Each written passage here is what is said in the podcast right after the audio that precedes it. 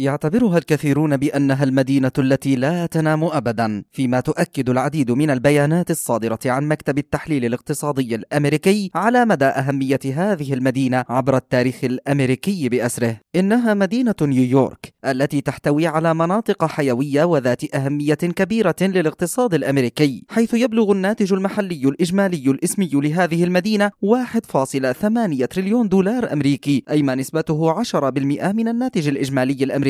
وأقرب المنافسين لهذه المدينة هي لوس أنجلوس والتي تشكل 6% من إجمالي الناتج المحلي الأمريكي. ثم تأتي شيكاغو بنسبة 4% تقريبا من إجمالي الناتج المحلي الأمريكي. ويشير الكاتبان برين شاباتا أند إليان هي إلى أنه يمكن اعتبار مدينة نيويورك بشكل منفصل على أنها من أكبر الاقتصاديات في العالم بتعداد سكاني يزيد عن 20 مليون نسمة وهو أكبر من أي منطقة أخرى في الولايات المتحدة الأمريكية.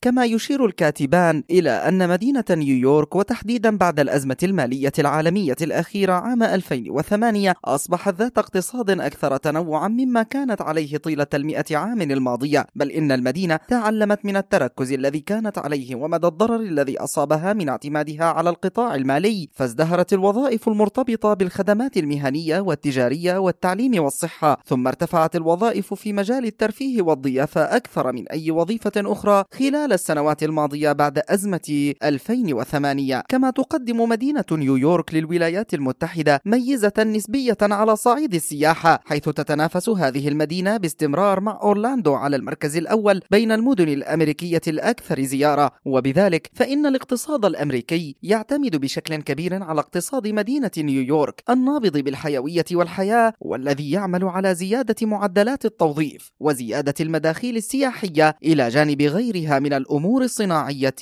الأخرى.